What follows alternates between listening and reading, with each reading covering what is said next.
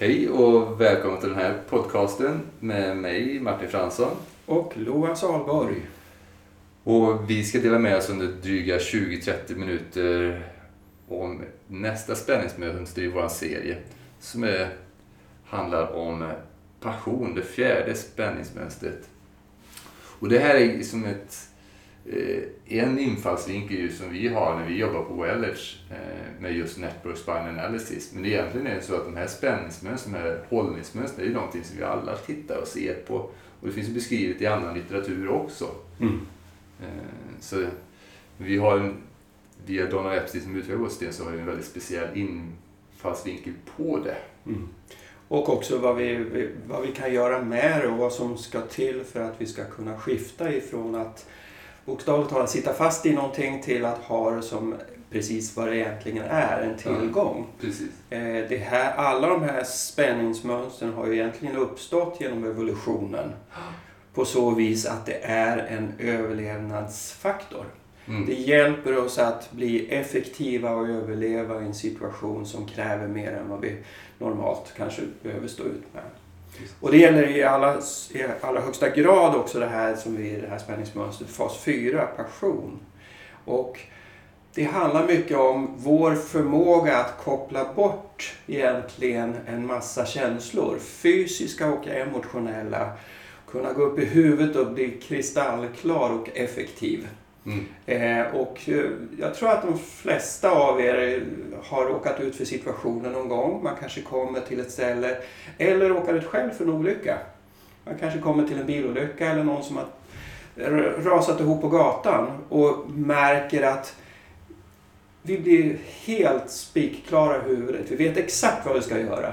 Vi har livräddning, vi fixar det här, vi lägger om såren och så vidare. Och sen så inte först vi är klara med det här så kliver vi ur bilden och sen blir vi skakiga. Ja. Då kommer alla känslorna på samma gång. Precis. Och det här är ju alltså en fantastiskt viktig överlevnadsfunktion. Att kunna kliva ur smärtan eller det här obehaget och bara göra det som måste göras för att ta oss ur faran eller klara av det vi måste klara av effektivt. Mm. Och jag kallar ju också den här liksom för krigaren. Så här, och krigaren. Och du, men det du säger det är ju att när faran är över så skakar man och, och liksom, ah, släpper och återhämtar sig. Mm. Och det är det som är tyvärr det stora problemet då. Att det händer tyvärr inte för tillräckligt stor del utav människor runt omkring oss som råkar ut för väldigt jobbiga situationer och kliver in i den här strategin, lägger in den här växeln att gå in i liksom, mm. eh, den här försvarsstrategin. Men sen så kommer inget avslut utan man fortsätter att bära den här rustningen, den här mm. krigarposen så att säga. Och det kan ju vara egentligen av två huvudskäl. Det ena är ju att det bara är så traumatiskt att vi nästan inte klarar av det. Mm. Eller i alla fall inte klarar av det just nu. Eh, det andra skälet är att det kanske inte är fullt så traumatiskt men vi fyller på och fyller på och fyller på. Så att vi ger oss aldrig tid. Mm. Eller vi får aldrig möjligheten av att vara trygg i grottan, in i säkerhet och just göra den här bearbetningen när känslorna ska in. Och vi någonstans ska kunna få bara överväga och checka in med oss själva. Hur mår jag? Hur gick det? Ja. Eh, vad fick det för konsekvenser? Liksom både fysiskt och emotionellt. Så det är där i bearbetningen ligger väldigt mycket. Ja. Så att vi missar bearbetning kan ju ofta vara av de två generellt sett de stora typiska orsakerna. Ja. Och det, just det att vi inte har alla gånger strategier för att göra, få till en resolution utav alla aspekter av den här chocken, det här traumat mm. på egen hand. Utan vi behöver stöd utifrån. Och det är det vi ser liksom just det att när en terapeut själv finns närvarande och har e- strategier för där vi kan stödja en annan person att så säga bygga sin kapacitet och bygga sina strategier för att uppnå en resolution, att uppnå en kulminering på den här upphållna energin så att den når ett avslut, så att, säga, att det mm. blir som ett skifte. Att vi och, behöver ha andra nervsystem som är välreglerade runt omkring oss för att många gånger få till det här fullt ut också på ett effektivt sätt. Mm. Och i resolutionen också få tillgång till den visdom som Exakt. varje händelse vi råkar ut för potentiellt ger oss. Ja. Så det är det, det, det viktigaste. vad har vi att lära ut, utav alla de saker som vi, vi upplever? Och när klarar vi inte av att lära. Mm. Utan vi fortsätter göra samma misstag gång på gång på gång.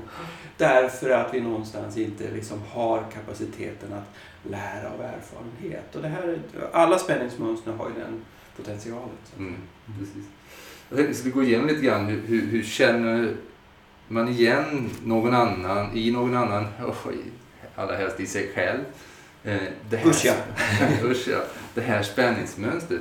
Eh, för vår analys, Network Balance, det är ju just det som en analys för att kunna liksom, i kroppshållningen, oberoende om en stående eller eh, liggande, liksom, känna igen den här tonen, den här kvaliteten mm. i spänningen i anklar, att man låser upp knäna, att knäna blir för spända. Mm. Man får den här ömheten i hälsenorna, fick man få i de andra också, men det kan, är ännu högre ton på den i det här läget. Mm. Och baksidan på knäna blir ofta väldigt spänd, man får mycket knäproblem. Man översträcker knäna och man ställer sig mer bredbent och vill vara som den germanska krigarstansen. Så man har för mycket spänningar på utsidan av låren, upp över höften blir man väldigt spänd och stum i ländryggen för man spänner både ländrygg och magmuskulatur. När man rätar ut ryggraden för man vill bli så lång som möjligt. Och vi rätar ut nacken för vi vill liksom dra in hakan. Så vi blir sådana här klassiska militäriska. Vi bufflar upp oss vi skjuter fram bröstet och får en rak bröstrygg och liksom håller andan. Och liksom, låser hela magen också, ja. håller spänning i magen. Blåser upp oss ja. helt enkelt. En högstatusposition kallas det mm. också.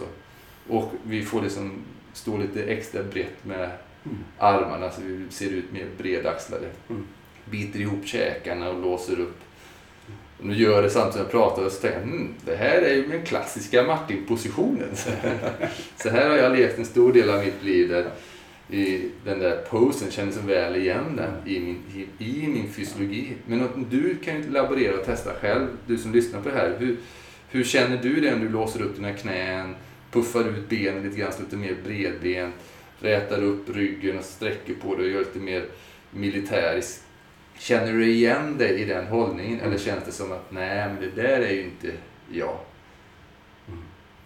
Det är liksom det här att kunna känna igen sig. Och är det här någonting som är så obekvämt så nej, men den där hållningen vill jag absolut aldrig vara i.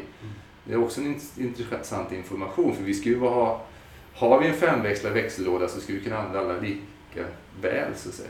Precis, när det behövs. Ja. Och eh, förhoppningsvis inte heller använda när det inte behövs. Ja.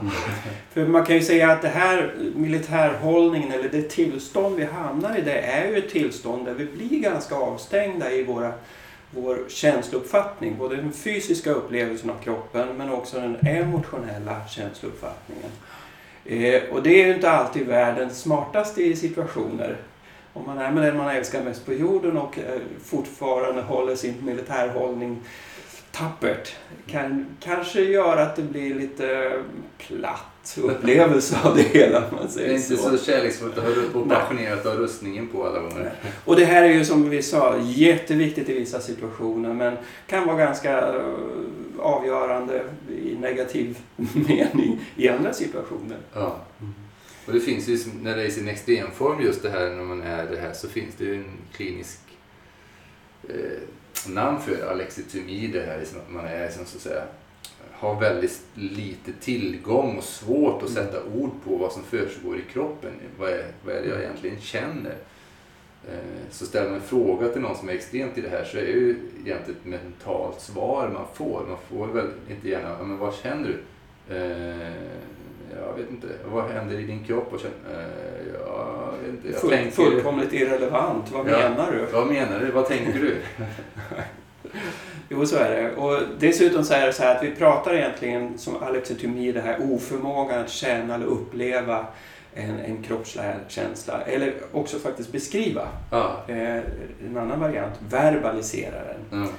Eh, för att uppleva en sak, att kunna beskriva vad vi upplever en annan sak. Mm. Men det, det, är två saker på samma mynt så att säga. Ah. Eh, och vi tittar på två extremer i det här. Eh, om vi tar liksom, allt i ett spektrum. Och de flesta av oss hamnar någonstans i mitten enligt Gauss fördelningskurva. Ni som har hållit på lite med matematik. Eh, Men vi har extremer och det är mycket enklare att beskriva extremer. Och den ena extrema det är den som vi ibland brukar beskriva, inte helt sant, men vi brukar benämna som det manliga sättet att göra det hela. Vilket är det vi förknippar med den här klassiska militärhållningen. Det, det är generellt sett ganska känslomässigt avstängda. Och vi vet också att den här typen av människor, de har väldigt svårt att uppleva känslor och upplevelser i kroppen. De har oftast inte varit sjuka en dag i sitt liv. Allting tuffar på. Livet kan rasa kring dem men de, de hävdar fortfarande att det är lugnt. Jag fixar det här, det är klart, det är inga problem. Allt är okej. Okay, mm. liksom. Och det är nästan med en, en ton på rösten som känns som ett rakt streck. Det är väldigt lite modulation i, i stämman. Jag mår bra, det är lugnt, inga problem, jag fixar det. Entonigt, bokstavligt talat. Eh, och det vanligaste, den här typen av människor, de, de är inte särskilt dyra för sjukvården. Nej. För att de går inte till sjukvården. Oftast brukar det vara frun som släpar in dem och då kan det till och med vara för sent. Eh, så det är den ena extremen. Där vänsterhjärnan är överdominant. Exakt. Mm. Sen har vi den andra då, då högerhjärnan tar över lite mer. Eh, och det uttrycker sig oftast på det som vi lite på skoj skulle kalla för det mer kvinnliga sättet. Eh, och det blir oftast en överdriven aktivitet i, i det emotionella. Vi beskriver allting i emotionella termer. Och det får mycket emotionella konsekvenser vad som än händer kring oss. Men det är helt frikopplat från någon slags verklighetsförankring. Så att det kan spinna, det är som ett, en, en, bara ett scatter, liksom tankar eller eh, känslor far de är överallt utom kopplade till vad det egentligen handlar om. Mm. Så minsta lilla händelse kan få den här konsekvensen av saker som oftast innebär ett slutresultat som är katastrofalt. Mm. och, och det, det, här där faktiskt då blir ett känslomässigt överväldigande kan ju också vara i den här på ett, ett speciellt sätt där, mm.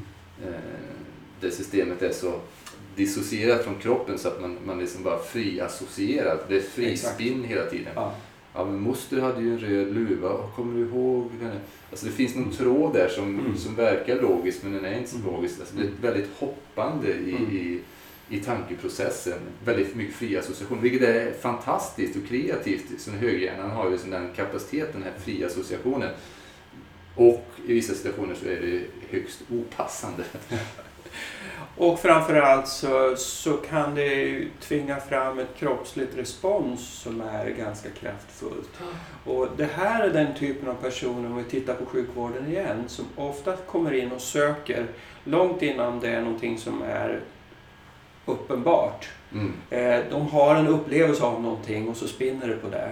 Så att de, de vill gärna ha hjälp men det är sällan som man ens kan se en symptombild som är liksom någorlunda lätt att läsa av eller mm. se någonting på labbtesten. Så de kommer oftast in för tidigt och får mycket, mycket sällan hjälp. Det är de här personerna som hamnar mellan stolar och som får alla de här äldre typen av bokstavskombinationer, hysteri och SVBK och allt vad det hette. Svidverk och brännkärringar. Med de här terminologin det finns det ibland en koppling. Det är inte en absolut sanning. Men det, man kan se sammanhang i, i det här med alexithymia och det. Mm. Så det är otroligt intressant.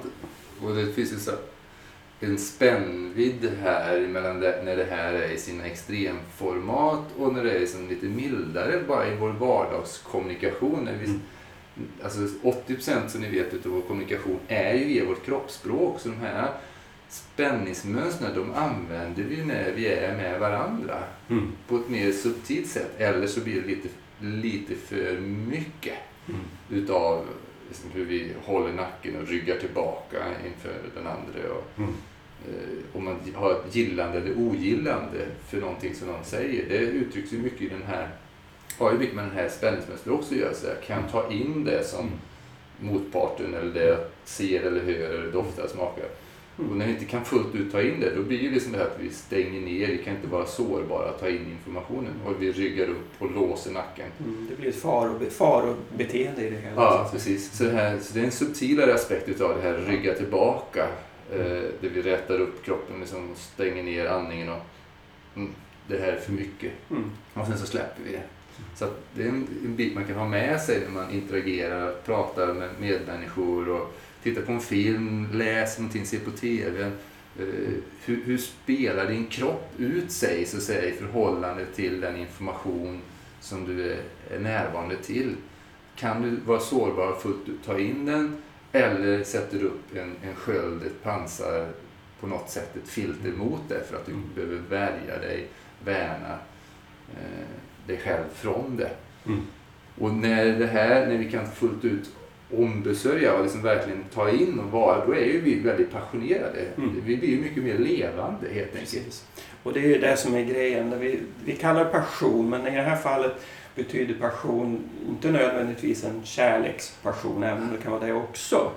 Utan mm. mer vår förmåga att vara känslomässigt engagerad och närvarande i, ja. i allt vi gör, i alla situationer i livet. Oavsett om vi står och diskar eller om vi är med den vi älskar mest på jorden. Ja. Mm. Jag gillar det här ordet som en av våra kollegor, David Brightback, just hur vi använder savor på engelska. Det här att man verkligen njuter. Mm. Alltså, även det lilla så kan man liksom fullt ut eh, ta in alla smaker och schatteringar. Ja, ja på, på alla sinstycken. Man verkligen fullt ut eh, är närvarande till det som är utifrån det som en trygghet. För det finns en annan för, för den här otroliga intensiteten, närvaron, den har ju vi när vi är i, i krigarpulsen. Då är vi otroligt fokuserade, men det är ju mer kanske från försvar, krigare, överlevarens fysiologi som vi har den akuta närvaron och intensiteten i blicken som kan bli väldigt obehaglig. Kontra när vi är i, i den här kapaciteten från ett trygghetsperspektiv, där vi kan skörda gåvan av den här fasen. Då är det från en närvaro som vilar, vi är liksom vilsamma. Det är en skön blick, det är, liksom, det är människor man gillar att hänga runt för de är så närvarande med dig. Mm.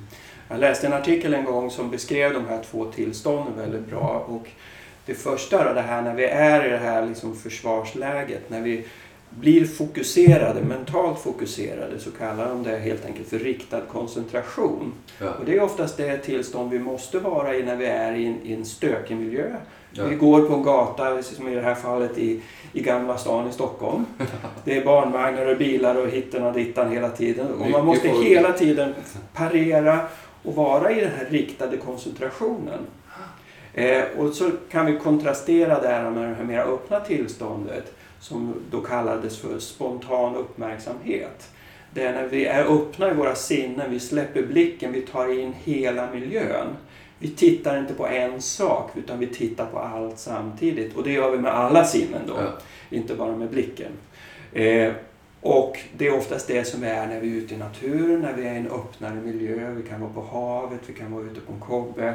Där vi kan släppa blicken, där det finns yta där, och där vi är i tillstånd av trygghet så att vi kan öppna upp alla våra sinnen på ett helt annat sätt. Mm. Jag tycker om det där med riktad koncentration och spontan uppmärksamhet. Ja.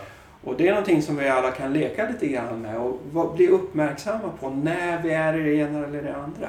Mm. Eh, även i miljöer som kan vara mera stängda. På jobbet är vi i riktad koncentration när vi sitter framför datorn. Är vi i riktad koncentration också i fikarummet? Eller kan vi skifta och till och med börja medvetet leka med att skifta? Se hur tar vi in miljöerna i de situationerna? Mm. Jobbar vi bättre om vi kan släppa blicken lite grann? Titta på skärmen fast med mjuk blick istället för den fokuserade och så vidare. Ja, det är en jättebra övning just den eh, att låta, så att säga, titta på någonting väldigt fokuserat och verkligen bara ta in en sak som du har i ditt blickfång eller ta in ett ljud i allt det som är i ditt ljudintag just nu. Kontra då liksom så här, öppna upp och, och ta in allt som du ser just nu. Att verkligen mjuk, vidgad blick. Och likaså med det du hör, det du doftar, det du smakar, det du känner. Så vilken sinnesinformation som helst. Men oftast för många som är väldigt, är väldigt visuella och det här är eller aldrig tog sig med hörseln, att just använda det. Att plocka ut en sak ur mängden och sen respektive då vidga och ta in så mycket som möjligt och inte hålla någonting i, i, i fokuset. Mm. En väldigt bra övning. Och en annan väldigt bra övning som jag gillar, som man kan göra med kroppen för att liksom, hjälpa För det här handlar mycket om att det blir en ja, högstad, men som blir väldigt rigid i kroppen. Väldigt stel och spänd och utbufflad. Så en väldigt enkel grej är ju just att eh, laborera med att bara liksom låta huvudet få sjunka ner som en liten enkel grej. Att flexa nacken och titta upp i taket för att skapa mer kurvatur. Mm. Så att den här lilla enkla rörelsen där nacken så att säga framåtböjd, bakåtböjd leder och så lägg med till vad som händer med resten av kroppen. Mm. Om du böjer på nacken är det som så att du även då kan slappna av mer i bäckenet, att knäna kan slappna av den här låsningen som annars är i knäna kan, kan släppa lite grann. Där. Bara gör det i, i en liten, liten, liten långsam rörelse där du upptäcker vad händer med övriga hållningen och hållningsmuskulaturen i sätesmuskulatur, magmuskulatur, i lår, knän, anklar. När du bara låter huvudet gå framåt och bakåt. För det, klassiskt med det här, när någon kommer till oss, de har ju väldigt, ofta har de en väldigt rigid, stel nacke. Mm. En stum nacke. Mm. Och särskilt i övre delen av nacken, andra, tredje nackkotan, det är också nerverna som går till diafragman, vår andning. Man har liksom en utplanad andning och väldigt stel och stum, mm. uträtad nack, nackrygg så att säga. Så att jag börjar göra den här rörelsen, särskilt extensionen bakåt, att böja nacken bakåt så mycket som känns bekvämt. För att börja få tillbaka lite mer den här kurvaturen i mm. nacken som man har tappat och börja få tillbaka lite mer spel i den här, från den här pansarplåten man har lagt på sig. Mm. Och det är alltid intressant för när vi börjar uppnå en, en mera flexibel hållning så vet vi att det är ofta en otroligt stark koppling till också att vi har ett flexiblare, flexiblare förhållningssätt. Ja. Det vill säga att insidan också mjuknar. Ja.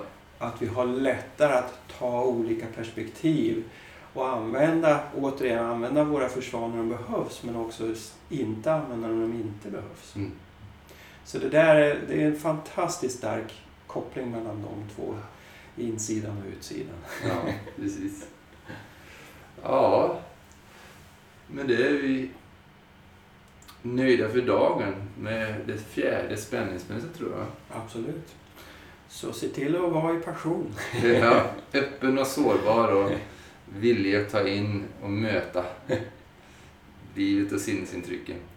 Och som alltid, vi vill ju jättegärna veta vad du tycker om det här så får jättegärna mejla oss på info.wellers.se om du har någon fråga som berör dig kring det här. Och lämna gärna kommentarer när du ser det här på wellage.podbean.com eller om du har sett det på Facebook eller på något annat ställe. Lämna kommentarer, sprid det vidare, dela vidare om du tycker det här är någonting som du vill dela vidare. Och nästa gång, vad kommer vi prata om då? Vi ska prata om det femte och sista spänningsmönstret. Eh, som har med vår förmåga att uppleva tillvaron eh, som full av energi, överflöd eller att vi lever i bristtillstånd.